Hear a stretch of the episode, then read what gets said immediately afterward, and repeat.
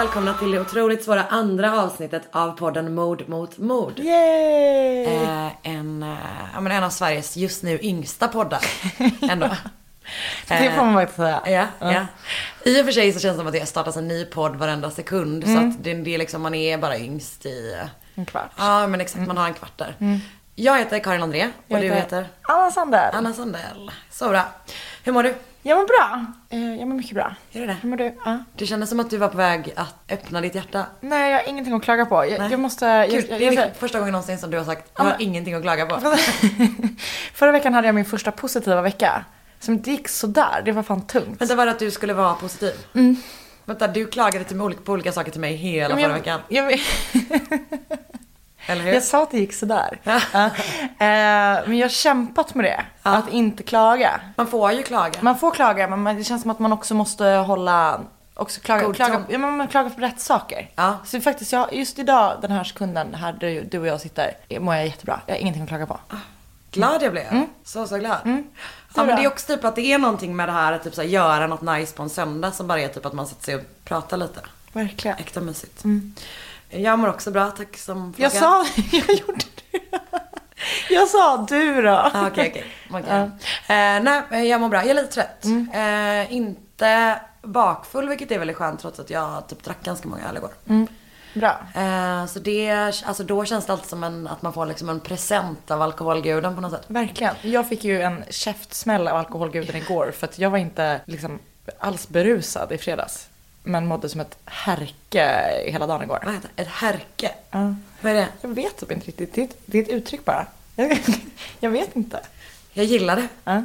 Okej, men så jag mår som ett, eh, mm, som någon slags anti-härke idag då? Ja, typ så. Typ ganska.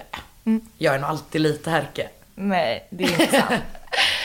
Jag fiskar efter det. Eh, hur har din eh, liksom, första vecka som en person som gör en podcast känns då? Har du tänkt mycket på det? Nej, typ inte. Du har inte liksom börjat så gå med i olika så forum för podcasters? Inte än. Nej. Eh, jag tror jag har väldigt svårt att identifiera mig som det. Det är inte det att du börjat så att göra, um, du har tryckt en liksom truckerkeps? Jag har däremot tryckt upp ett samarbetskit. Vad Just det det. kostar att annonsera i vår podd. Ja, ja. Vad är vi uppe i nu? Eh, 35 000 för det lilla paketet. Vad, är, vad är, får man i det lilla paketet? Eh, man omnämns, eh, liksom, vi pratar om en produkt eh, på ett positivt sätt i något sammanhang. Men är inte det olagligt? Inte om man märker säger att det är ett samarbete. Ja, ah, okej, okej. Det var bra. Det är inte det att du börjat tumma på reglerna redan Nej, nej, nej, nej, inte än. Ja, men skönt, skönt. Vad Jag, jag har googlat vad här, härke heter. Jag vet Ja, inte om det är är det för intressant, men jag vill verkligen veta nu. Nu. Extraordinärt ful människa. det finns olika. Åh gud, det är mitt nya favorit. Så här. Alla kategorier. Det finns olika. Det första är uttryck som används mycket inom militären. Okej. Nej, förlåt, Försvarsmakten. Något stökigt och präglas av stor oordning. Mening nummer, det det används som, som nummer två är extraordinärt ful människa. Tänk dig den gången någon hit träffade någon Mm. som var så jävla ful att de var tvungna att uppfinna ett nytt ord. Jättekul. Att det är liksom att man måste uppfinna ett nytt ord. Nej, du är ju extraordinärt ful. Du är för fan en Mm. Härke. härke. Då vet Kul. vi. Ja. Fredrik Lindström är här i studion. Mm. studion, ditt vardagsrum. Mm. Eh, ja, Jag har ju gått och väntat i en vecka på att få höra på ditt svar på den gastkramande cliffhangern. just det. Vad som fick dig att inse att du var extraordinärt intresserad av mord. Ja, precis. För vi, vi pratade ju om eh, att du eh, var obsessed med det när du var ett litet, litet barn. Typ. Och eh, jag, min, mitt eh, morduppvaknande var nog lite senare än så. För att jag, eh, jag kommer ihåg att min mamma hade en bok hemma när jag var kanske 13. Eh, som handlade om Mary Bell. Kommer du ihåg Mary Bell? Nej. Mary Bell är ju en 11-årig flicka i England som mördar två pojkar, tre och fyra år gamla. Va? Och det typ, jag kommer ihåg att jag läste den i smyg typ. Att jag hittade den bilden, eller jag hittade den boken och liksom läste den eh, när min mamma inte, inte märkte Gud vad det. sjukt. Ja. Och jag skulle tro, för min mamma är nog inte så intresserad av mord. Eh, men däremot är hon ju intresserad av liksom barn och barnpsykologi. Hon jobbar ju med barn. Så antagligen var det väl därför hon köpte den liksom. Men det var, för att det, men det är något så otroligt sjukt och svårt att relatera till. Att man som 11-åring mördar två pojkar, Hur mördade pojkar. hon dem då? Nu ska vi se. Om hon eh, ströp dem, kanske. Det var hon och hennes kompis som gjorde det. Men Var hon var de också så här, syskon, eller? Nej, Nej. alltså det är ju två olika tillfällen som hon mördar de här Men eh, pojkarna. gud. Och hon är också så här att hon går till den ena pojkens hus. Efter att, alltså innan de vet om att det är hon som har gjort det. Och typ ber att få, att de, hon bara Jag vill, jag vill, I wanna see vad han nu hette Ja. typ. Och de bara, nej men han är död. Hon bara, ja exakt, jag vill se honom typ. Alltså hon var riktigt liksom Gud vad eh, obehagligt. men hon hade, hon hade ett fruktansvärt liv. Du vet, hennes mamma var eh, prostituerad själv men framförallt så typ sålde hon också den här lilla flickan till kunder liksom. Så att det var en extremt, extrem, men extremt fruktansvärd barn, barndom. Ja. Och man vet inte var hon är nu. För hon kom ju ut ur fängelset alltså så här, och var ju i en ganska vanlig ålder liksom och bytte namn. Och eh, man vet inte var hon tog vägen. Eller någon vet ju det för, Ja. förstås. Men eh, för jag har typ googlat ganska mycket på det. Ja. Eh, och för det är ju Storbritannien, deras press är ju helt, alltså media i Storbritannien är ju helt fucking absurd. Men det finns typ ingenting om, eh, om var hon har tagit vägen.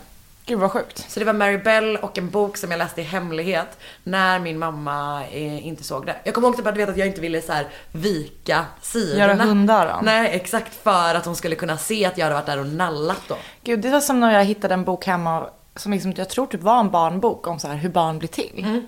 Och det var liksom, nej, det, nej det, det, måste vara, det kan inte ha varit en barnbok för det var liksom riktiga bilder på, ja men liksom det var liksom, fast det måste, ah, jag vet inte. Men Vad var det liksom riktiga bilder på, på samlag? Nej men var så på, det, jag vet inte, det var på könsorgan och sånt där. Mm. Könsorgan. Eller om det var en barnbok, om jag hittar på att det var riktiga bilder. Skitsamma, den det var ju liksom uppenbarligen, vi hade den ju hemma. Tjuvläste du det? Som coffee table bok. Jag skojar. Men den tjuvläste jag verkligen. Så här, Ja. För jag kommer, vi hade så här platsbyggda bokhyllor på en hel vägg i, i vårt vardagsrum, Ja. i tv-rummet. Så det stod så här längst ner typ i ett hörn. Och dit brukade jag gå när jag var ensam hemma typ och så här läsa i smyg. För jag tyckte det var så fascinerande. Hur gammal var du då? Eh, sju, åtta kanske? Du var ju väldigt tidig med olika saker. Var det tidigt tycker du Nej, det var intressera sig? Ja, att kanske. intressera sig för sex. Ja. det var ju väldigt långt borta fortfarande. Men Var du en sån unge som sen gick till skolan och föreläste för alla andra? nej, jag var nog för blyg för det. Du behöll din kunskap Mm. för dig själv? Men jag blev ju också lärd, typ, jag hade ju äldre kusiner och äldre sysslingar som jag umgicks väldigt mycket med när jag var liten. Så jag kommer ihåg min syssling Emily. Hon hade ett dockhus som var så här, som det bodde björnar i, så här små leksaksbjörnar. Och där visade hon mig hur blev björnarna- till. Med björnarna? Ja. Mm. Och eh, det här var innan liksom, mina föräldrar hade skilt sig, vilket betyder att jag måste varit typ max fem år. Mm. Så det, så det började, och hon- och är tre år äldre, Alltså, hon var väl åtta typ och jag kanske var Hon är idag sexolog. Exakt. Nej, det är hon verkligen inte. Ja, eh, man skulle kunna tro. Ja. Ehm, ja. Men spännande. Ja, Det ska jag googla också på, Mary Bell. Ja, Mm. ja det är ett eh, otroligt fascinerande och fruktansvärt fall. Det låter väldigt spännande. Jätte, jättehemskt. Alltså att vara så jävla, jävla ung. Och du vet ändå vara så genomtänkt i sitt, alltså hon visste ju vad hon gjorde. Usch, Mm. Och att det är två stycken. Ja, det är fruktansvärt. Jätte, jättehemskt. aldrig hört. Så det kan du eh, googla på när du vill. Det ska jag förkovra mig. Mm.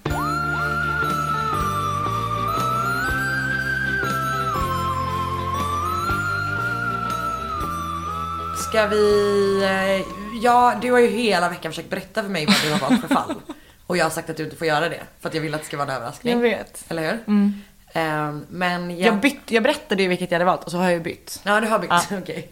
Ja, jag vet inte, du hade ett sånt otroligt behov av att kommunicera med mig kring det. Jag vet. Jag kanske säger vilket det är. Ja. Så, för, eftersom jag har velat berätta det så länge nu. Det är styckmordet i Askersund. Ah, Det här är också, likt förra podden, något som verkligen var drabbande för mig. För att det är så himla, liksom, det är så typiskt. Typ så. vänta, som är såhär, ah, typiskt. ja. Men alltså, jag tror det är det, fascinationen för att någonting som skulle kunna hända en själv. Igen. Fram... Låt mig börja. Ja, bra. Jag bara, bara blir orolig om det var, om du menade att det skulle kunna hända dig att du råkade styckmörda någon eller att du råkade bli styckmördad. Båda två. Mm.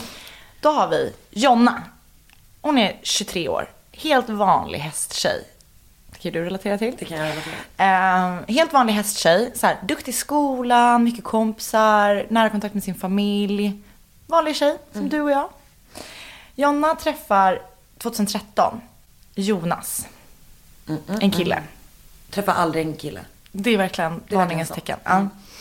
Jonna blir liksom från början helt så tagen av den här Jonas. Hon beskriver hur han är som en drog för henne. Hon har aldrig varit så här kär innan. Det är liksom helt breathtaking för henne, den här Jonas.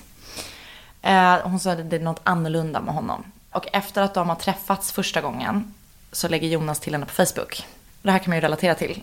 Så här, glädjen av att du vet, någon, någon som man själv har blivit helt tagen av på en fest eller Hon blir så glad. var, hur man nu möter de man möter. Att, hon, att man liksom just när han, han kände samma typ. Wow. Så han lägger till henne på Facebook. De börjar chatta på Facebook. Hörs jättemycket. De har så bra G. Sen börjar de ses och det är härligt. Först börjar de ses en gång i veckan. Lite så här känna på varandra. Och sen så börjar de se, inte känna på varandra fysiskt, det vet jag ingenting om.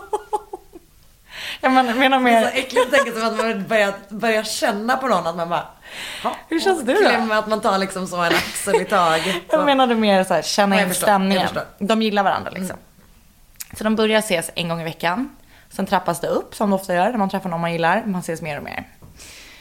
Och han är sådär typiskt eh, snubbig och är så här, ja du är fantastisk och, eller, men han lovar henne saker du vet så här, ja du, jag ska, du ska bli min, du är min framtida fru, du ska bli mamma till mina barn och du vet, han så målar upp du vet och hon då blir så här, som man också kan bli, helt tagen i det och liksom, hon går helt, helt, helt upp i honom. Men i slutet på 2013, jag vet inte exakt när de träffades. De, det, efter ett tag i alla fall, så kan jag säga. Efter ett tag så ebbar eh, deras relation ut, eller det, liksom, det trappas ner. Utan att man egentligen vet varför. Då börjar Jonna festa och dricka och så här act out. You do you Jonna. Verkligen. Då åker Jonas till Thailand i den här vevan när Jonna festar mycket. Och från Thailand börjar han reach out till henne igen. Så han typ skriver till henne på Facebook eller smsar eller hur de har kontakt nu. Och när Jonas kommer hem igen och när han är borta så verkar allting så fantastiskt på chatten. Och du vet, eller du vet de har så här. Alltså bra Ja. chattgame är ju Alltså det, allt. det vet ju både du och jag. Ja, det är ju det- det man älskar. Allt. Ja, verkligen. Det är typ bättre än IRL-tugg. Nej men jag en kan rolig inte, chatt. jag kan inte liksom ehm, ligga med folk som jag inte kan chatta ordentligt med. Jag vet. Det En är- gång kan jag, men Ja, nej jag vet. Det är verkligen... ehm, jag har ju haft lite utmaningar med det där med Mm, chattgame med killar. Och då måste jag ändå säga att du är en fantastisk chattare. tack, jag tycker det själv Mm, också. nej, men du är det. Rolig, snabb, Alltid smart. där. Alltid där. det gör vi gemensamt. Verkligen. Jag vet ingen som är så snabb på att svara som du. Jag vet ingen som hade blivit anmäld saknad så snabbt som jag. Verkligen. Vad svarar fan har jag inte på hänt? två minuter Nej. så ringer du polisen. Jag vet. Man blir ju också Så tokig de få gångerna man bara, vilken jacka ska jag ha, den här och den här? Och då är du i ett möte och inte kan svara. Då blir du rasande. Det du... blir jag. Och går inte hemifrån. Nej, exakt. Ehm, jo men så då är allting fantastiskt när han är borta, han är i Thailand, jag, sådär. Och sen när han kommer hem igen, då är han avvaktande och liksom är kall mot henne. Så han gamear henne sjukt. Så Jonna då, det är så här härligt ändå typ hur hon, hon är verkligen helt oblyg. Så hon, när han då kommer hem och är avvaktande, då bestämmer hon sig för att det är rimligt att åka hem till honom och konfrontera honom. För att vara så här, varför svarar du inte på min chatt typ? Du. Äkta du med mig. Vad är det som har hänt? Ehm, hon är liksom öppen med sina känslor mot Jonas. Eh, men så när hon åker dit så har de det bara härligt. Han typ bjuder in henne. De så här myser och eh, hon sover över där. Och han säger att han saknat henne och du vet målar upp det här igen och bara det är så fantastiskt bla bla bla. Sen så kvällen efter det här har hänt så är Jonna ute med kompisar och festar. Och hon blir packad så hon åker hem till honom. Vilket man typ har gjort själv. Så här, det här är en bra idé. Eh, Har de kontakt under kvällen? det vet jag inte, det framgår Nej, inte. hon Men åker hon åker i alla fall dit. Vilket så här, jag har gjort det. Att man åker hem till en kille och bara, vi är liksom, det, Ja. det har inte slutat så här. Och bara plingat på? Ja. Nej, ändå, de har nog vetat det. de Nej, det har. Eh, så hon åker hem till honom och när, han, när hon kommer dit så tycker han att det är jobbigt och är lite så här, eh, vad är du här typ? Och eh, de går in i hans lägenhet i alla fall, fastän han typ inte vill att hon ska vara där. Och då så ringer hans telefon. Och eh, Jonna förstår att det är en tjej som heter Lovisa som ringer och blir typ jättearg. Och det visar sig då att den här Jonas typ är ihop med den här Lovisa. Så när Lovisa blir jättearg också. Och Jonas får då panik och är så här. Men han har typ han har bollat de två. Han har bollat de två. avslöjat. Exakt. Eh, så Lovisa blir jättearg då för hon förstår att Jonna är där, som är då Jonas ex. Och Jonna blir jättearg för att han, hon inser att Jonas har en kille och Jonas, Jonas har en tjej. Nej, Jonas har en annan tjej. Och Jonas får då äh, ångest, antar jag. Eller han blir skitstressad. Eh, för han då, på, hans lek är påkommen. Så han typ är så här, men jag får köra hem dig nu liksom till henne och sådär. Men det är också så soft tycker jag. Då ställer hon sig i vägen för dörren. Så att inte de ska komma ut, Jonna. Så här, nej, jag tänker inte åka hem och blocka dörren. Men då, Jonas bor bara på första våningen, eller typ så här en halv trappa upp eller någonting. Så han hoppar ut från balkongen. För att komma ut ur sin lägenhet. Jag fattar typ inte riktigt hans resonemang här. Men Nej men också typ, det är väl inte, han kan väl bara flytta Jonna. typ. Exakt, men han verkar Han är vara lite dramatisk det. verkligen drama queen-aktigt. Hoppar ut från balkongen. Så Lovisa, eller Jonna går efter. Och så sätter de sig i hans bil och eh, de träffar Lovisa där. Hon har kommit dit och det blir så här, ja, Ute på parkeringen. Ja. Mm.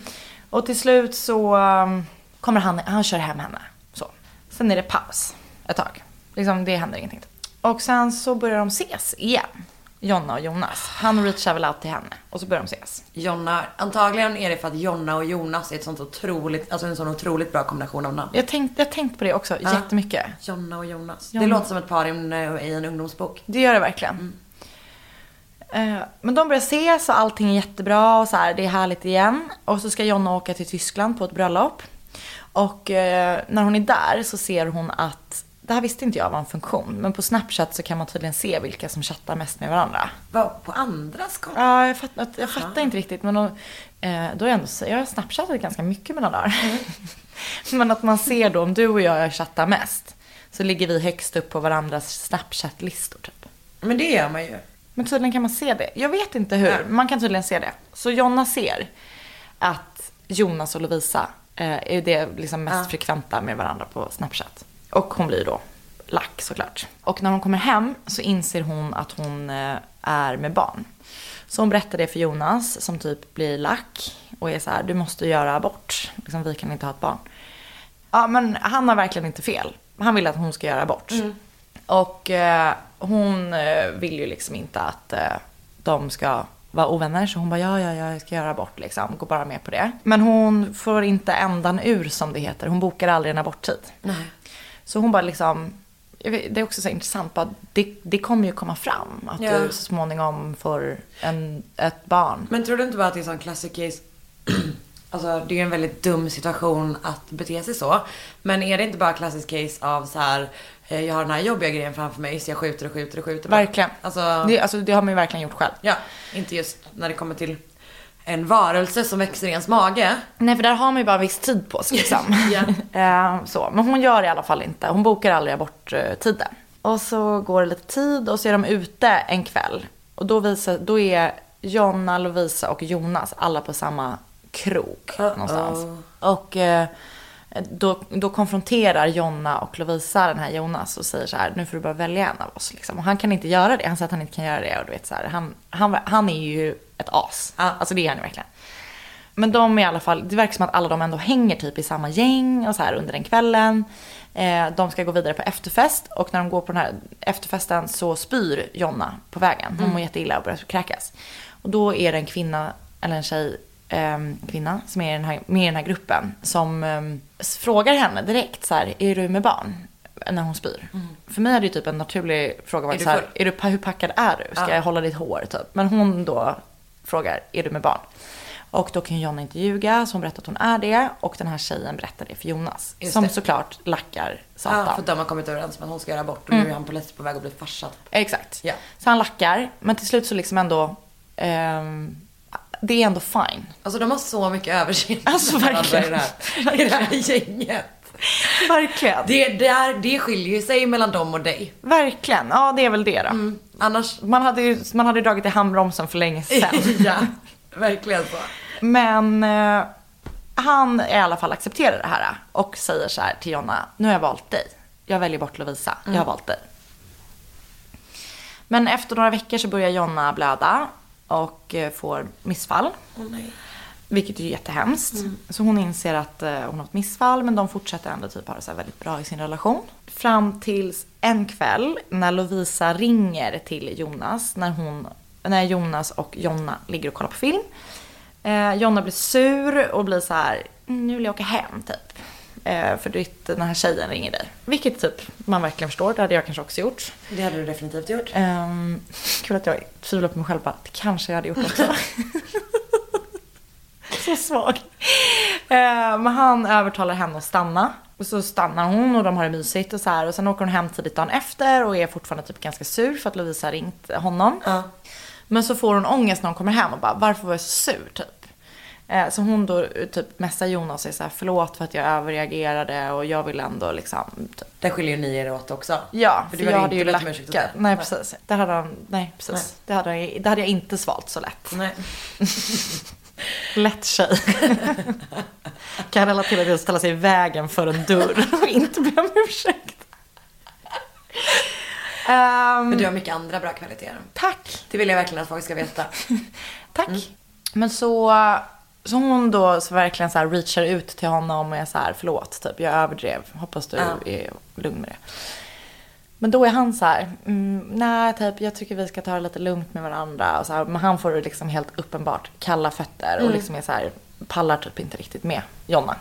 Med Hedvigs hemförsäkring är du skyddad från golv till tak oavsett om det gäller större skador eller mindre olyckor. Digital försäkring med personlig service, smidig hjälp och alltid utan bindningstid. Skaffa Hedvig så hjälper vi dig att säga upp din gamla försäkring. Hedvig hemförsäkring, ett klick bort. Aj, aj, aj, det kluckar i rören. Men det är väl inget att bry sig om? Jo, då är det dags för de gröna bilarna. Spolarna behöver göra sitt jobb. Spolarna är lösningen. Ah, hör du? Nej, just det. Det har slutat. Så, då får ju hon panik för hon är ju liksom dödskär i Jonas och bara så här, hur ska jag få hans uppmärksamhet igen? Så hon gör en sån jävla galen grej som att det är typ, det här var verkligen, när jag, när jag liksom fick reda på den här informationen första gången så var jag tvungen typ att sätta mig ner Ah. för att jag liksom fick panik. Hon kokar ihop en sån jävla galen historia. Hon eh, säger att hon har fått något fel på sin äggstock. Och att hon har fått operera sig och varit på akuten hela dagen. Det hon har gjort är att hon har skurit upp sin egna mage. Och sytt igen Nej. själv. Nej. Jo. Jo, jo, jo. Rakt av, jo. Nej, men hur? Kan du liksom Nej. förstå det? Jag skulle inte ens kunna göra ett stick Men i mig knappt. själv. Alltså det är ju Jag därför ihåg- jag verkligen inte vill ha diabetes för jag skulle aldrig kunna sticka mig Nej, själv. alltså jag kommer ihåg när jag gick på typ högstadiet man skulle göra så här blodprovsgrejer i biologi. Jag klarade typ knappt av att sticka Nej. mig själv i fucking fingret liksom. Hon skär upp sin mage. Men jag förstår inte hur den, alltså hur hon har eskalerat så otroligt snabbt. Att det gått från så här stå i vägen i en dörr till kutta upp sin egen mage och sy igen den. Hon har- För det är just det, att sy, det, det, den grejen är fan... eh, Jävligt För det är så här, det är en lång tid pågående smärta. Förstår du vad jag menar? Det är inte bara så här. jag hade inte kunnat kutta mig själv heller Nej. liksom. Men just det att sitta och sy ihop sin egen, ah gud. Ja, ni vet, det är så Åh, jag blir äckligt. yr i huvudet nu. Ja. Man blir yr. Ja. Så, mm, nej, men hon har tydligen en diagnos som är så här att man inte, jag kommer inte ihåg vad den heter. Och den känns lite så här, jag vet inte, jag ska inte säga det, jag ska inte säga att någon diagnos är hittepåig. Men det är så här, hon kan inte se, under stress så gör hon irrationella grejer och kan typ inte se konsekvenserna av sina handlingar. Just det. Så det här kanske, det är väl en sån grej att hon bara vill ha uppmärksamhet. Men Alltså, hon är typ, hon är inte, inte det att hon är liksom, får någon hjälp med det. Nej, nej. Nej. Och jag, jag vet inte om hon hade, vi ha- visste att hon hade den diagnosen innan. Jag vet inte. förstår. men, eh, för jag, liksom, det tycker jag att man vet att folk är så här, du vet, hittar på att de, eller inte hittar på, men du vet att man, man, gör, man hittar saker som gör att en person ska eh, liksom fastna vid en. Att, Mm. Jag vet så här, flera som har varit så här, jag tror att jag är med barn fastän de vet typ att de inte, de kanske inte vet det, men typ man, man alltså jag kan inte förklara, men att man så Men jag skapar. förstår vad du menar och grejen är typ att det kan man göra på så himla och st- stor eller, eller liten skala. Verkligen. Och jag tror att alla har gjort det i liten skala. Alltså, Alltså- nej, alltså det här är ju galet. Ja, ja, alltså, men verkligen. alltså det är ändå samma typ av beteende Exakt. fast det är draget så jävla jävla långt liksom. Verkligen. Så hon gör i alla fall det här för att han ska tycka synd eh, om henne. Men det verkar liksom inte funka så bra. Eh, För efter ett tag så ber Jonas om att få tillbaka sin nyckel till sin lägenhet. För han säger att han typ vill vara själv. Och hon får panik och är såhär, ska du träffa Lovisa nu eller vad betyder det här? Han bara, nej men jag vill bara vara själv liksom, jag vill Mm. tänka typ. Och när hon åker, när hon har lämnat nyckeln och så här till honom så eh, det är då hon börjar typ så här bygga sin plan. För Jonas träffar ju uppenbarligen, fortsätter ju att träffa Mm. Lovisa. Så Jonna börjar liksom göra massa galna grejer. En morgon åker Jonna till Jonas lägenhet. Och hon säger att det är för att skrämma Lovisa. Eh, men hon har med sig en eh, ho- hovslagarhammare som hon har till sina hästar. Eh, en eh, kniv, en vanlig kökskniv, typ en liten jaktkniv. Sprutor som hon preppar med sömnmedel och en flaska sprit har hon med sig också. Och sen så åker hon till Jonas. Jag fattar inte hur hon inte vet att Jonas inte är hemma. Men hon säger att hon åker dit för att eh, skrämma Lovisa. Så hon åker dit och går in i trapphuset där hon gömmer sig.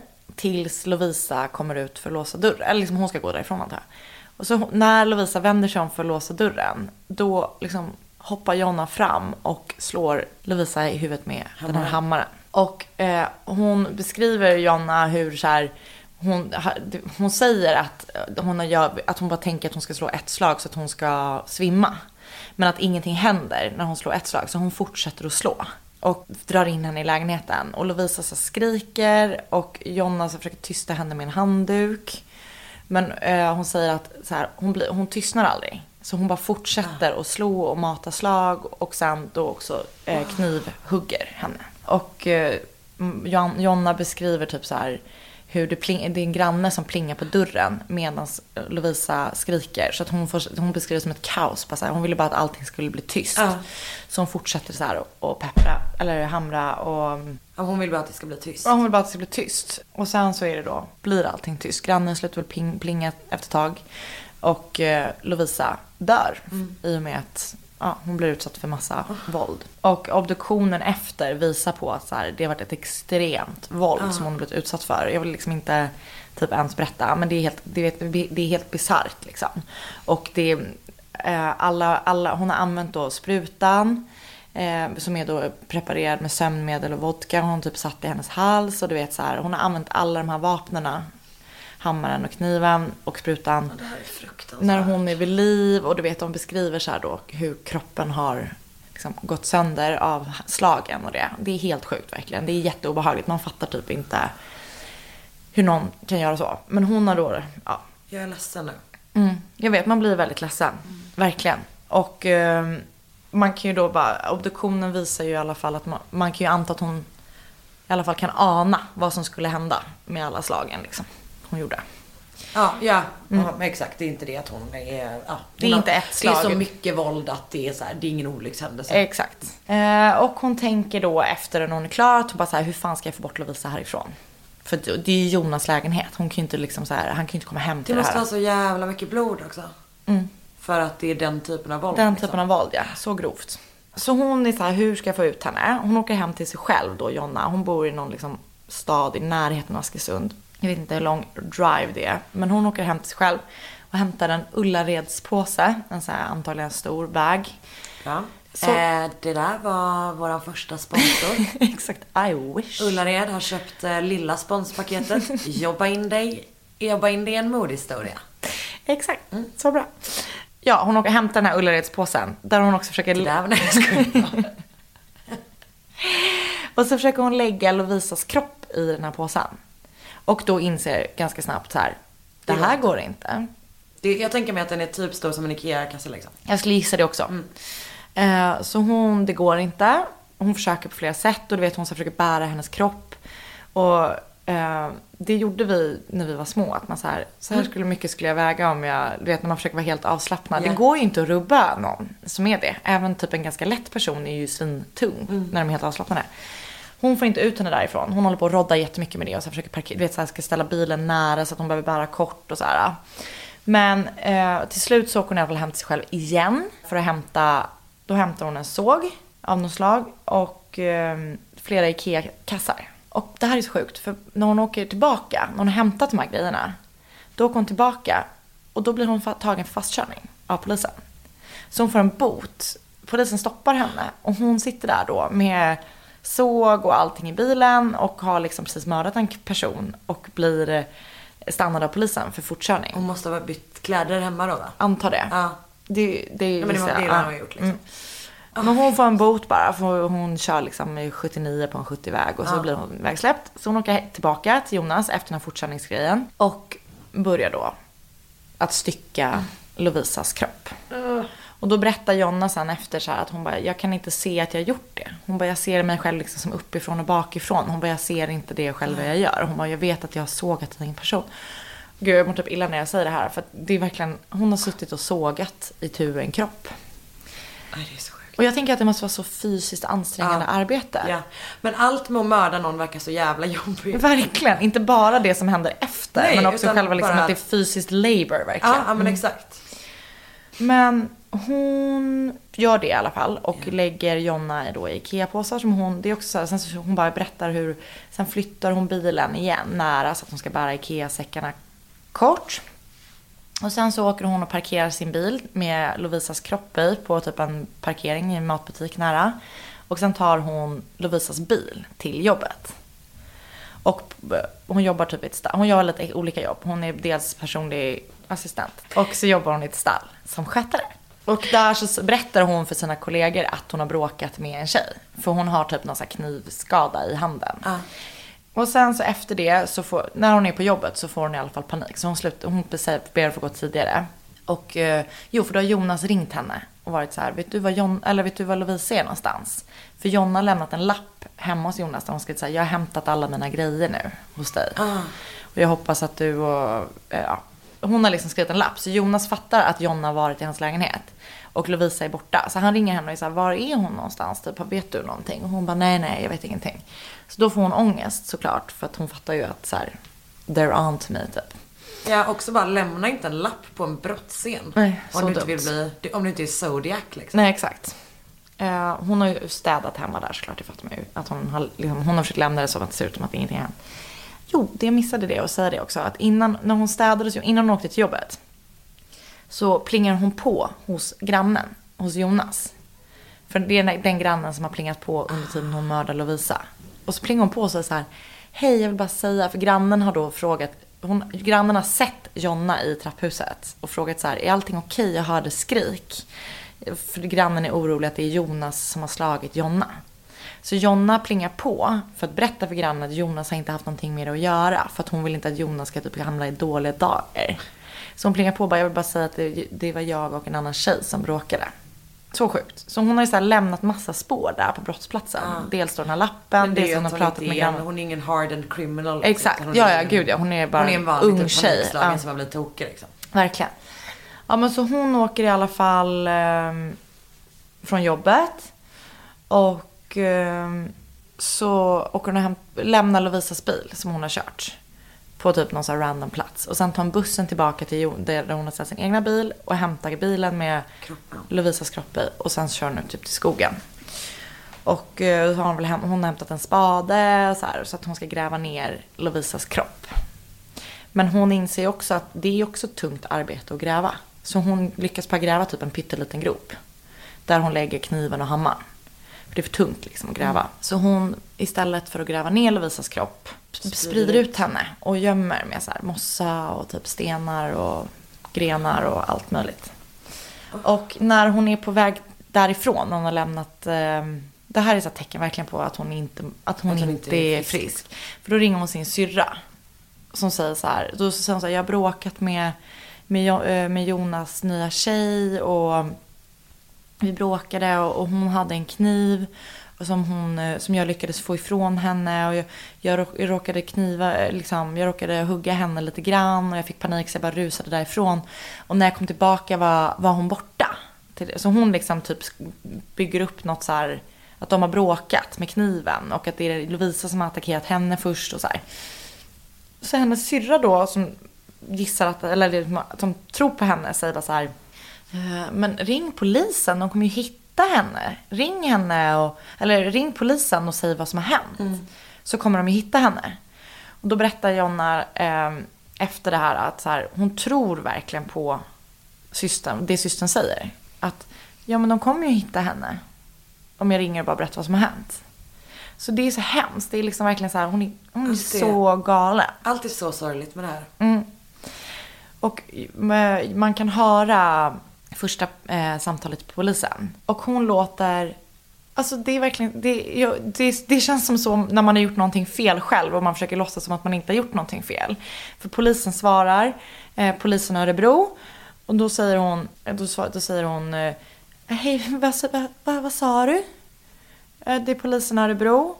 Jaha, då har jag kommit rätt. Och så börjar hon berätta då så här, en väldigt liksom barnslig eh, variant av det som har hänt. Och då säger hon sådär, ja det är så att jag har träffat en kille, varit del av en triangeldrama och eh, nu, jag har hört att den här tjejen är väldigt aggressiv och vi bråkade i morse och jag råkade, hon skar mig först i handen och sen fick jag kniv, du vet hon berättade något så här, det som hon då har berättat för sin syster också. Men det är så jävla jävla konstigt. Mm. Alltså varför? Men undrar om det är att hon helt enkelt har ett behov av att prata om det liksom. Förstår du vad jag menar? Och så kan hon inte berätta. Jag vet Hon inte. måste säga det till Ja. någon liksom. Så polisen där i det här första samtalet är ju sådär. Eh, ställer först massa frågor och sen så efter ett tag bara. "Mm, Jag skickar en patrullbil till dig så får vi reda ut det här. Och sen så liksom uppdagas ju hela sanningen. Vad hon berättade. Ja. Hon bara, jag har mördat henne, hon här är. ja. Först säger hon att det hon har mördat henne i självförsvar och sen så liksom piece by piece typ. Ah, det här är så här. Ja, så hon döms sen till liksom fängelse såklart. Och nu sitter Hon hon... döms ändå till fängelse, det döms inte till psykiatrisk vård. Nej, fängelse. För det är liksom inte så... Det är, ingen, det är inte det att Hon hon har haft en psykos. Nej, exakt. Utan hon har då, alltså det här är ju en lättare psykisk störning. Alltså det är klart, och där, jag, det är det jag menar så här, det, jag vill inte liksom förminska den diagnosen för den är klart att den är riktig. Men det måste ju liksom, jag vet inte hur man påvisar det. Att, så här, att, jag, att jag har den här diagnosen och jag, därför kan jag inte se Nej, men konsekvenserna av mina det, handlingar. nej, men antagligen var väl det vad försvaret försökte göra. Ja. Och eh, rätten inte köpte då antagligen. Alltså för att så här, man kan ju ha otroligt många olika typ eh, men, psykiska funktionsvariationer utan att det Att det är under... är, nej men att det räknas som att Exakt. du är, men som att du inte kan dömas till fängelse liksom. Ja. Så hon sitter på Hinseberg nu Mm. och får tydligen sjukt mycket beundrarpost. Från, Från? Eh, från andra, från inmates, manliga inmates på andra anstalter men även från andra människor liksom. Alltså från, från killar som uppvaktar henne i fängelset. Så sjukt. Men det är ju den här, Mm. det är ju den här grejen att typ, det finns män som eh, praise on typ svaga eller, eller Mm. Verkligen. så, kvinnor. Typ. Så läskigt. Men så det är styckmordet i Askersund som också är ett av mina favoritfall för att det känns också så himla nära. Jag tycker att det, det där är så jävla heartbreaking och det är det från så många olika håll. Förstår du vad jag menar? Mm. Verkligen. Att typ, det är fruktansvärt ja, men att en person är, har blivit mördad. Mm. Men det är också fruktansvärt att hon har typ, att Jonna har hamnat i den här situationen också. Alltså det är bara, Jag vet, det är vidrigt. Och så tänker jag också är så här, så jävla sorgligt. Det är så sorgligt. Och så tänker jag igen det där då att man vet ju hur det är att bli fuckad när man typ är kär i någon. Ja. Och För den lite person- galen är man alltid när man är kär. Exakt. Ja. Och typ att det har gått, det har gått så långt. Mm. Att så här, hon har blivit så jävla mindfuckad av den här killen. Så att hon liksom till slut inte vet in och ut eller upp och ner eller vad som helst. Hur, hur verkar han? Men jag vet ingenting om honom. Eh, så jag vill inte bara säga att han är ett as. Men uppenbarligen Nej, så... Eh, men Men det också uppenbarligen, så här, han- hur gammal var han? Så här 23? Någonting. Eller så nej, här. de är ju unga liksom. ja. Men sjukt läskig och den känns så nära för att det känns som att man själv kanske inte riktigt hade kunnat hamna där. Men nästan typ. Nej men alltså det är så här, det är på samma spektra som man själv eh, kan röra Ja, sig ja, på. exakt. Ja. Helt enkelt. Mm. Det där var fruktansvärt. Och eh, jag kommer aldrig förlåta dig för att du berättade en historia för mig. Mm, jag förstår det. Jag respekterar det. Eh, Jag tallar lite på vår vänskap hela tiden. mm, jag vet men samtidigt så uppskattar jag det för att det känns som att du liksom, du testar oss för att du tror på oss. Precis. Tyvärr hade du fel. Darn it.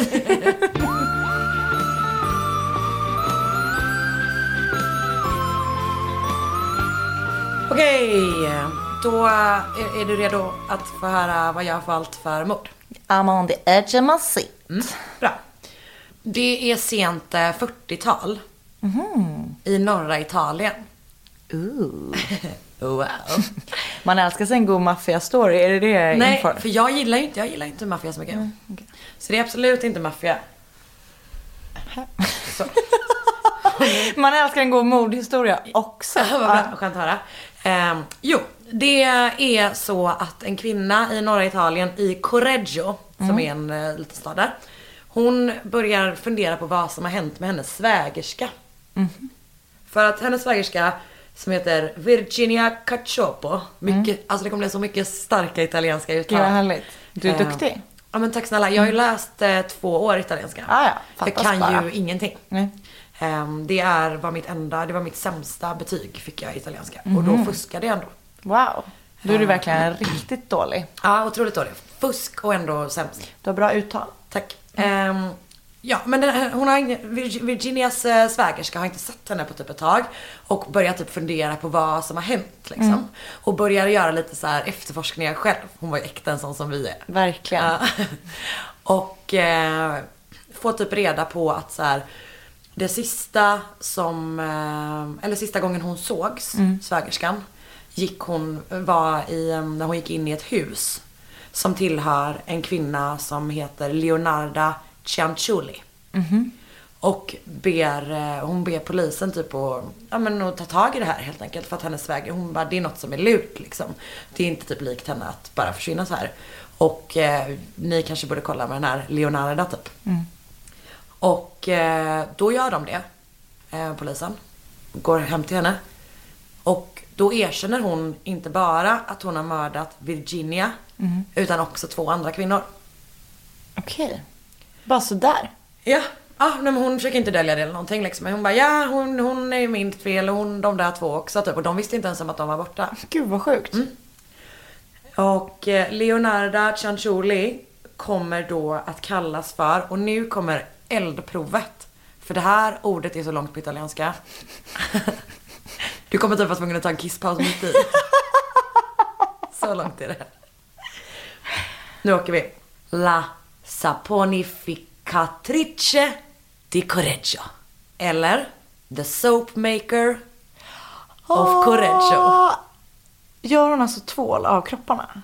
Häng med så får du veta mer. Är du redan Gud, jag börjar redan tänka så här, vad, av, vad i kroppen gör man bäst tvål av? Talg, typ. Fett. Åh, talg är äckligt. Det är äckligt att tänka att det ens finns talg i en. Men eh, jag tänker så här, vi, vi börjar från början. Ehm, för att Leonarda då, hon ehm, föds eh, 1893 i Monatella som ligger i södra Italien.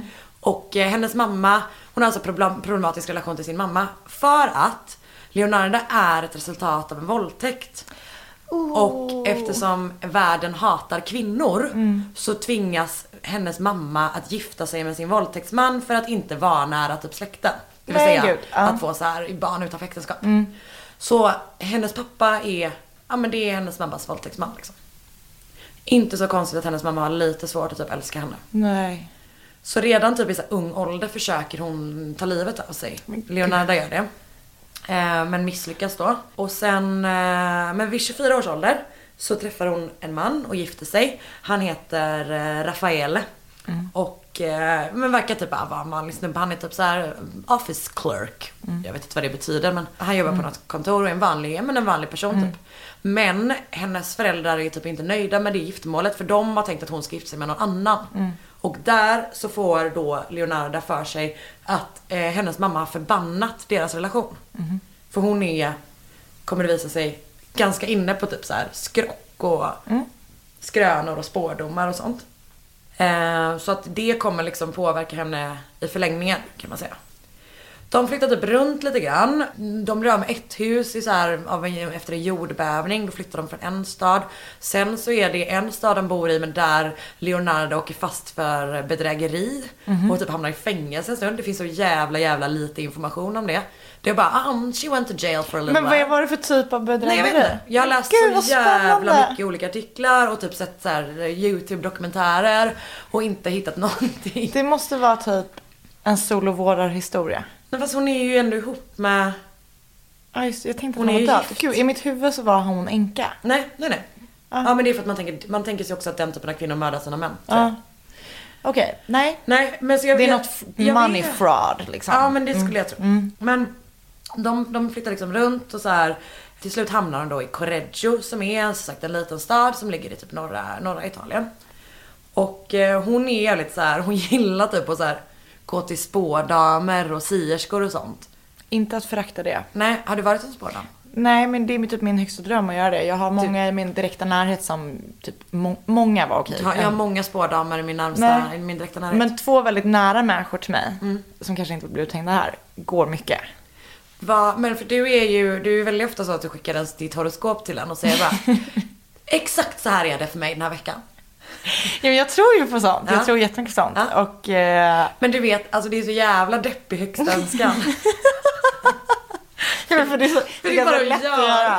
Ja, men högsta önskan. Men jag, jag är rädd för att göra det. Det är typ därför jag inte riktigt går. För jag typ tror på det så mycket. Jag förstår. Eh, det gör Leonardo också. Och eh, de, eh, en säger att hon typ ser, hon, hon är en sån som spår i händer. Ser fängelse i Leonardas ena hand och typ ett mentalsjukhus i hennes andra hand. Det är typ det jag är rädd att de ska se i mina händer. Ja.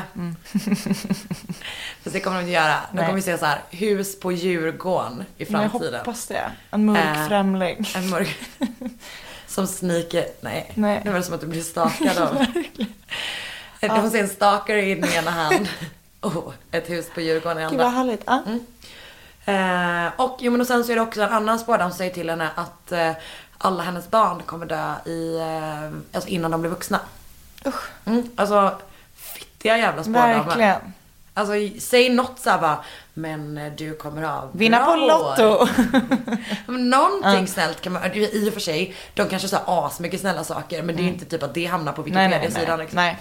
Men hon blir också då, som sagt hon säger att, att alla barn kommer dö innan de blir vuxna. Hon blir gravid 17 gånger. Jävlar. Tre av dem, eh, eh, tre, av- tre av dem är missfall. Mm.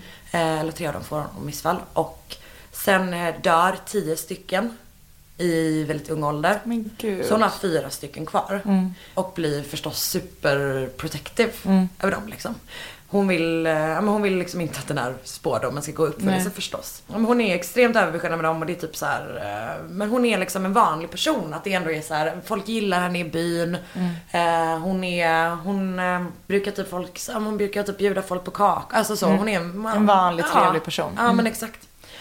Men hon är extremt överbeskyddande över sin äldsta son Giuseppe. Gi- Giuseppe. Klassiskt italienskt namn. Jag vet, jag tycker typ att det är ganska fult. Mm. Jag är mycket mer för en Giovanni Det är jag också. än en Giuseppe. Mm, jag med. Men bra, då har vi kommit fram till det. Han, som tyvärr heter Giuseppe Det, då. mm, det är för att du tänker på Don Giovanni.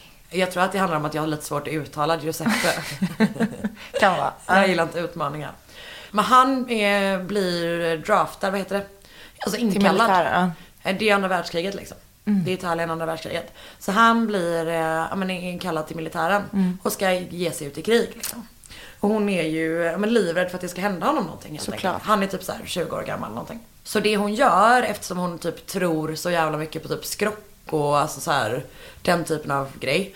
Eh, gör att hon bestämmer sig för att offra en person i hans ställe.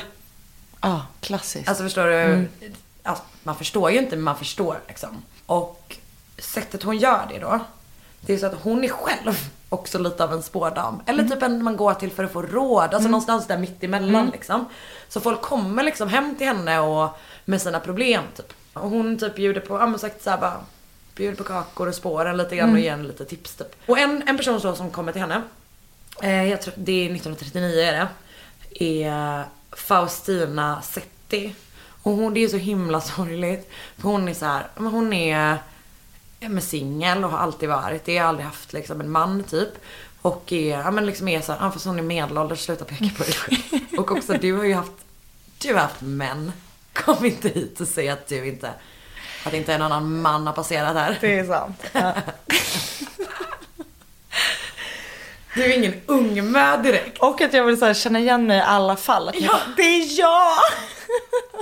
Jag är mördaren och offret i alla fall. Orimligt. Men du är en sån sur, alltså antingen är du otroligt empatisk eller otroligt egoistisk. Jag tror en kombo. Ja, en kombo. Fortsätt. Ja, Faustina Setti Ungmö. Eh, Anna Sandell av... Eh, eh, Corrigier. Av, vad heter nu då? Correggio. Coraggio. Ja, Correggios Anna Sandell kommer dit och är så här: vad ska jag göra? Jag vill jättegärna ha en man. Då säger Leonarda att det finns en snubbe för henne i, en... eh, I hennes källare. I- Pappa, pappa. Om du bara stoppar huvudet i den här björnsaxen där borta så kommer han komma. Eh, nej, i Pola, som är en stad som åtminstone numera tillhör Kroatien. Jag, vet inte, jag antar att det var en italiensk... Ja. Jag vet inte. I alla fall. Eh, en annan stad säger hon bara, där finns det en kanonsnubbe som du kan bli ihop med. Eh, och hon säger att hon ska åka dit utan att berätta det för någon. Hon, innan hon åker. Hon säger att hon ska skriva eh, brev till alla sina vänner och typ, ja, men sin, sin vän, vänner och familj. Typ, för, för att berätta att hon har liksom, eh, flyttat dit för att typ finna kärleken. Och eh, hon går med på det liksom. Och sen så samma dag som hon ska åka då. För att träffa den här påhittade mannen. Så kommer hon tillbaka och ska tacka Leonardo typ. Och eh, då får hon men, vin som är med sömnmedel i. Ger, ja, när hon kommer dit liksom. Hon bara, nu skålar vi. Och så däckar hon liksom. Då mördas hon, eller Leonardo mördar henne, Faustina, med en yxa. Äh, Nej, det är mitt värsta eh, vapen. Mm. Jag vet inte riktigt hur och jag vill typ inte tänka på det för mycket. Åh! Men du, det kommer bli äckligare. Hon styckar kroppen i nio bitar. Sjukt att både du och jag har styckomord. Ja, jag vet. Men båda två är sådana styckmord som är av, ehm, alltså av praktiska skäl. Alltså, Men det är inte njutningsgrejen. Nej men det är inte mm. sagt Ed Kemper som Nej, sant. knullar av huggna huvuden liksom. Ehm, utan hon, hon eh, skär kroppen i nio, nio bitar och typ och samlar allt blod i typ ett stort kärl. Många bitar. Ja, ja man undrar vilka. Ja. Jag själv hade, Man hade gjort fem. Huvudet, Huvud, armarna, armarna, benen, benen. och torson en bit. Ja. Det blir man undrar vad, fötterna kanske inte där. Jag tänkte här vid knäskålen. Ja, Typ. just det.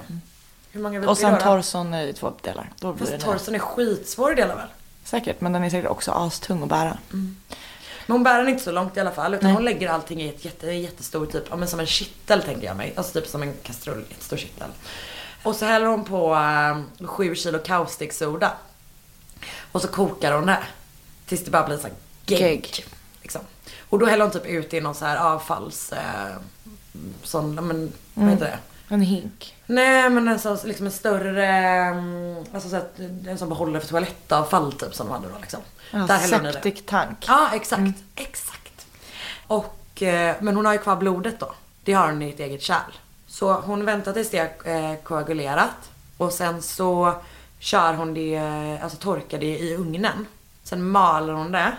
Sen blandar hon det med mjöl, med socker, med choklad, med mjölk, med ägg och margarin.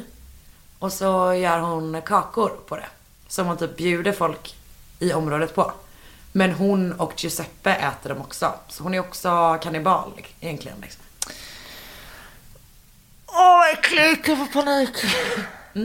Det är ganska vidrigt. Vill du att jag ska fortsätta? Ja det vill jag, men jag måste bara göra en instick här. Ja, ja, ja. Hur tappar hon... Jag undrar liksom hur man får ur blodet ur kroppen. Men jag an- alltså, det var kul att du gjorde någon sån hällande rörelse. Ja. Nej men jag antar att hon typ när hon kuttade av olika delarna så måste hon ju haft de här i de kärl, i Ja, så har kärl. plockat upp sen typ. Ja exakt, jag antar det. Okej. Mm. Ja men jag vet inte. Alltså nej, men för det känns ju som att man typ är så här, som, vet, liksom dra ut blodet. Och så, Fast i, alltså, om man tänker sig att man inte får ut allt blod utan bara typ mycket. Mm. Eh, då, så fort du kommer åt en stor eh, blodåder så, det är ju typ, hur många liter är det i kroppen? Det är ju så himla lite. Fem kanske. ja jag tror också det.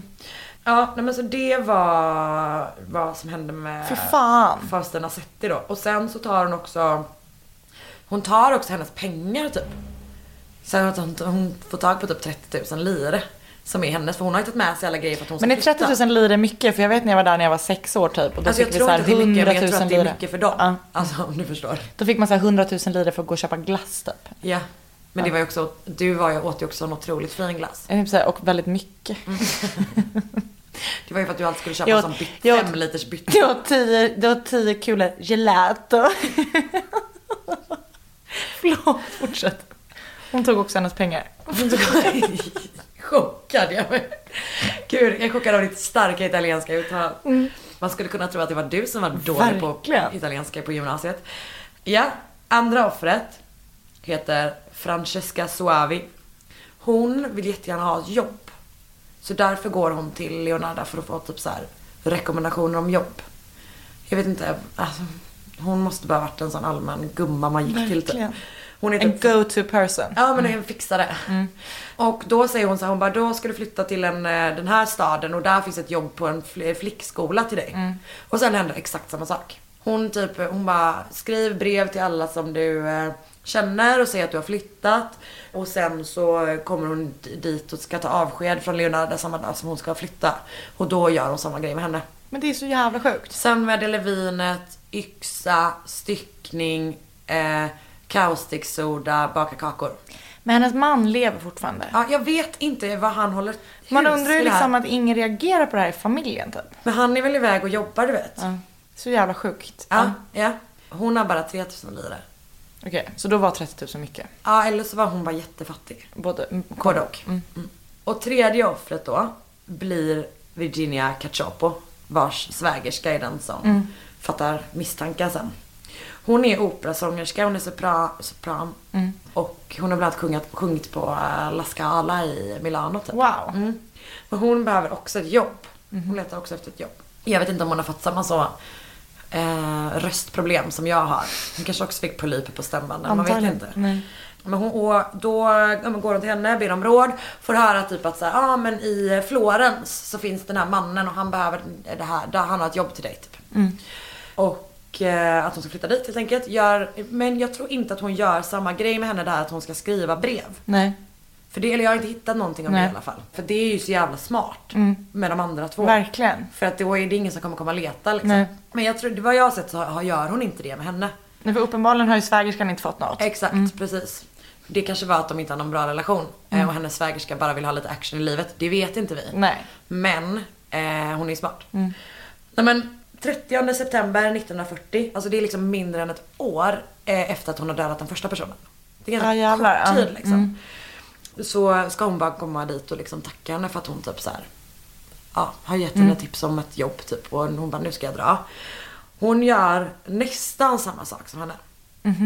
Eller samma sak med henne som de andra. Det är att, eh, ja men som sagt det är eh, eh, vin med sömnmedel. Det är eh, yxa, det är styckning. Men skillnaden där då är att i den här äckliga vidriga sörjan liksom när hon har kokat ner kroppen.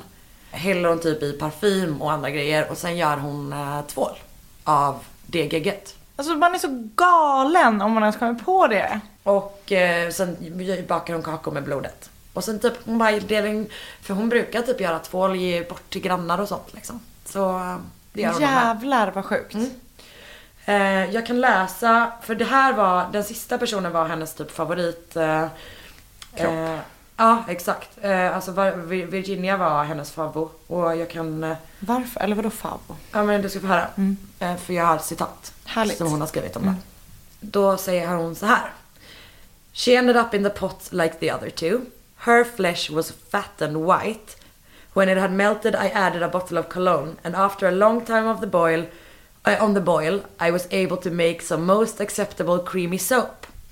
I gave bars to neighbors and acquaintances. The cakes too were better. That woman was really sweet. Nej men för fan. Är det inte så vidrigt? Det är så sjukt. Förstår du? Du kan- kommer ju aldrig igen typ kunna äta. Alltså efter att du vet, typ när du börjar tänka på det. Alltså det är så jävla äckligt. Ja, ja det är så vidrigt. Jag åt blodpudding igår till lunch. Men hon gjorde inte det. Nej. Det var kakor och Ja. blodkakor. Fy fan vad äckligt. ser alltså jag tycker nästan Jag tycker nästan att tvålarna är äckligare än kakorna. Alltså för Ja, att liksom. För att det är gegg. Alltså att, ä- att tvätta, alltså tänk att folk ska t- ha den på gästtoaletten, en tvål. Eller i duschen. Ja men alltså det är så jävla äckligt. Intimtvätt. Ja men fy fan. Jag får panik. Jag tror inte de tvättade sig så noga. Nej kanske inte men de hade Just i alla på fall tvål. intimplatserna i Nej. Italien på Nej. den tiden. Nej det tror inte jag heller. Nej, bra. Fördomarna flyger. Så jävla märklig rasism. Att de på 40-talet i Italien hade dålig intimhygien. Vi- Ska vi gå vidare? Vi går vidare. Eh, ja, men och där, det blir ju hennes sista offer då. Mm. För att just svägerskan typ är, ja men har lite jävla koll. Mm. Och eh, polisen kommer dit, hon erkänner det mordet och två andra som de inte hade någon aning om. De visste inte ens att de personerna var borta. Fan vad galet. Och hon har ju noll typ, alltså hon har verkar, hon är liksom inte det att hon har ångest för det. Utan Nej. hon är, hon bara berättar att det här har hänt och typ under rättegången är hon liksom superlugn och ibland typ när advokaterna säger något fel så rättar hon dem. Alltså typ kring hur hon har gått tillväga Aha, typ. Eh, alltså just att de får detaljer fel, då, då rättar hon dem liksom. Hon döms till 30 år i fängelse och 3 år på så sluten psykiatrisk avdelning. Mm. Alltså det är ju typ exakt vad den spådamen säger då. Jag ser fängelse i ena Verkligen. handen och mentalsjukhus i andra. Så det är rätt i att tro på Det, det stämmer. mm, spådomar. Hon eh, dog 1970 Mm. av en stroke. Eh, blev 70 år gammal. Nej, hon är inte 70 gammal. Blev När alltså dog hon? 87 år gammal blev hon, tror jag. Ja, jag kan inte matte. Nej, hon blev gammal. Hon blev, hon blev ändå ganska gammal. Men hon har också skrivit en självbiografi. Aha, gud vad spännande. Som heter eh, på engelska An embittered soul's confession som vi tyvärr måste läsa nu. Verkligen. Mm, och där det citatet som jag läste innan är hämtat därifrån. En annan grej som vi tyvärr måste göra också. Ja, är att köpa hennes tvål. Och nej att det är så Lush lanserar en ny. Det hade verkligen kunnat Ah, vara det. Ah, att det är så här The Leonarda. Att Lush gör till typ Halloween. Oh my god, tips, tips, tips. Vänta. Eh, och det var ytterligare ett meddelande från vår sponsor. Köpt det stora sponsringspaketet. Eh, där vi kommer på en eh, produkt som de kan sälja.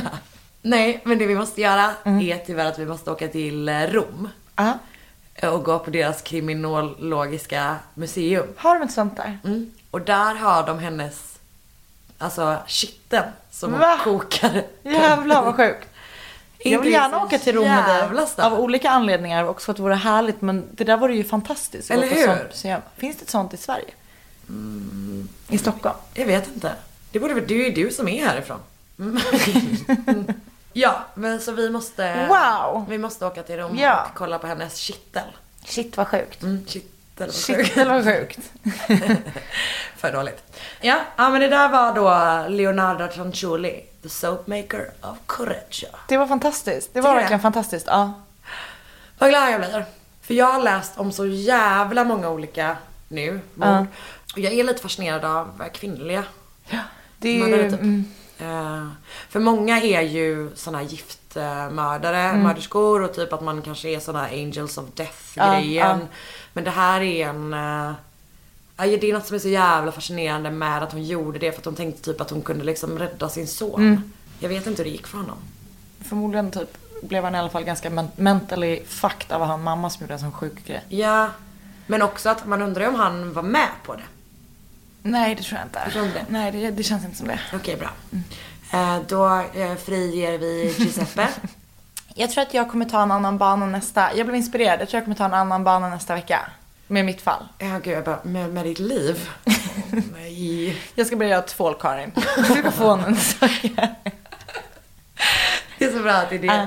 That's my takeaway. En, en sista fundering till ditt fall. Ja. Från mitt håll i alla fall. Tror jag sista fundering. Eh, undrar hur många tvålar det räckte till? En kvinnokropp. Oh. Hon, jag tror, man, vill ju, man är ju nyfiken på hennes, eh, hur stor hon var. Slash Mm. liten.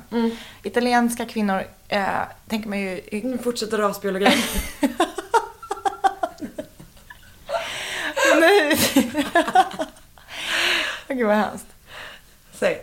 Men, tänk, men jag tänker att så här, eh, nej men så som jag ser framför mig så här, italiens, italienare väl- känns som väldigt, ett väldigt snyggt, liksom snygga människor. Jag tänker liksom antingen, fast det här var en äldre kvinna. Hon är operasångerska. Ja, Hon kommer, det är en kraftig kvinna. jag vet inte. Om man tänker nidbilden av en operasångerska. Ja. Så en sån här Eh, operadiva. Jo, men... Förstår du vad jag menar? Absolut. Ja, verkligen. Nej, men jag fattar exakt. Jag skulle uppskatta kanske, beroende på storleken på tvål, Vänta. eh, jag har- 30 till 40 tvålar. Ska vi kolla på mitt på henne? Ja. Där är hon. Okej. finns Om man kan det- googla då Virginia Cacioppo, C-A-C-I-O-P-P-O. Så finns det en bild på, men på alla offer där. De är ju medelålders allihopa men hon ser inte jättestora ut. Alltså, jag tror mer att det var... Jag tror Ah, mellan vänta. 30 och 40 tvålar ungefär. Tror du så många? Ja. Jag tänkte 10. Jag tänker det blir lite spill och sådana. Nej, jag tror, jag tror mer. En hel kollektion. Mm. Och man undrar hur många som bodde i staden. Det kanske räckte till alla. Fantastiskt, tack snälla. Men Det var härligt att ska det höra. vara? Det finns lite olika så här. eh, Jag kommer nog eh, fördjupa mig lite i det. Ja men gör det. Men eh, då är vi väl klara för den här veckan. Det gör vi, tack snälla. Det var fantastiskt att höra.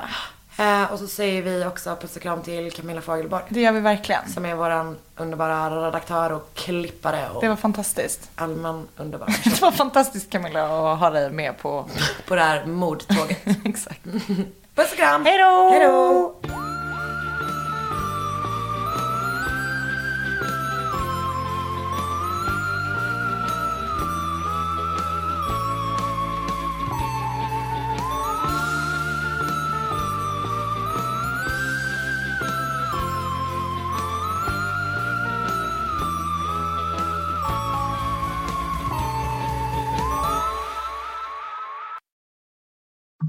Hedvigs hemförsäkring är du skyddad från golv till tak oavsett om det gäller större skador eller mindre olyckor.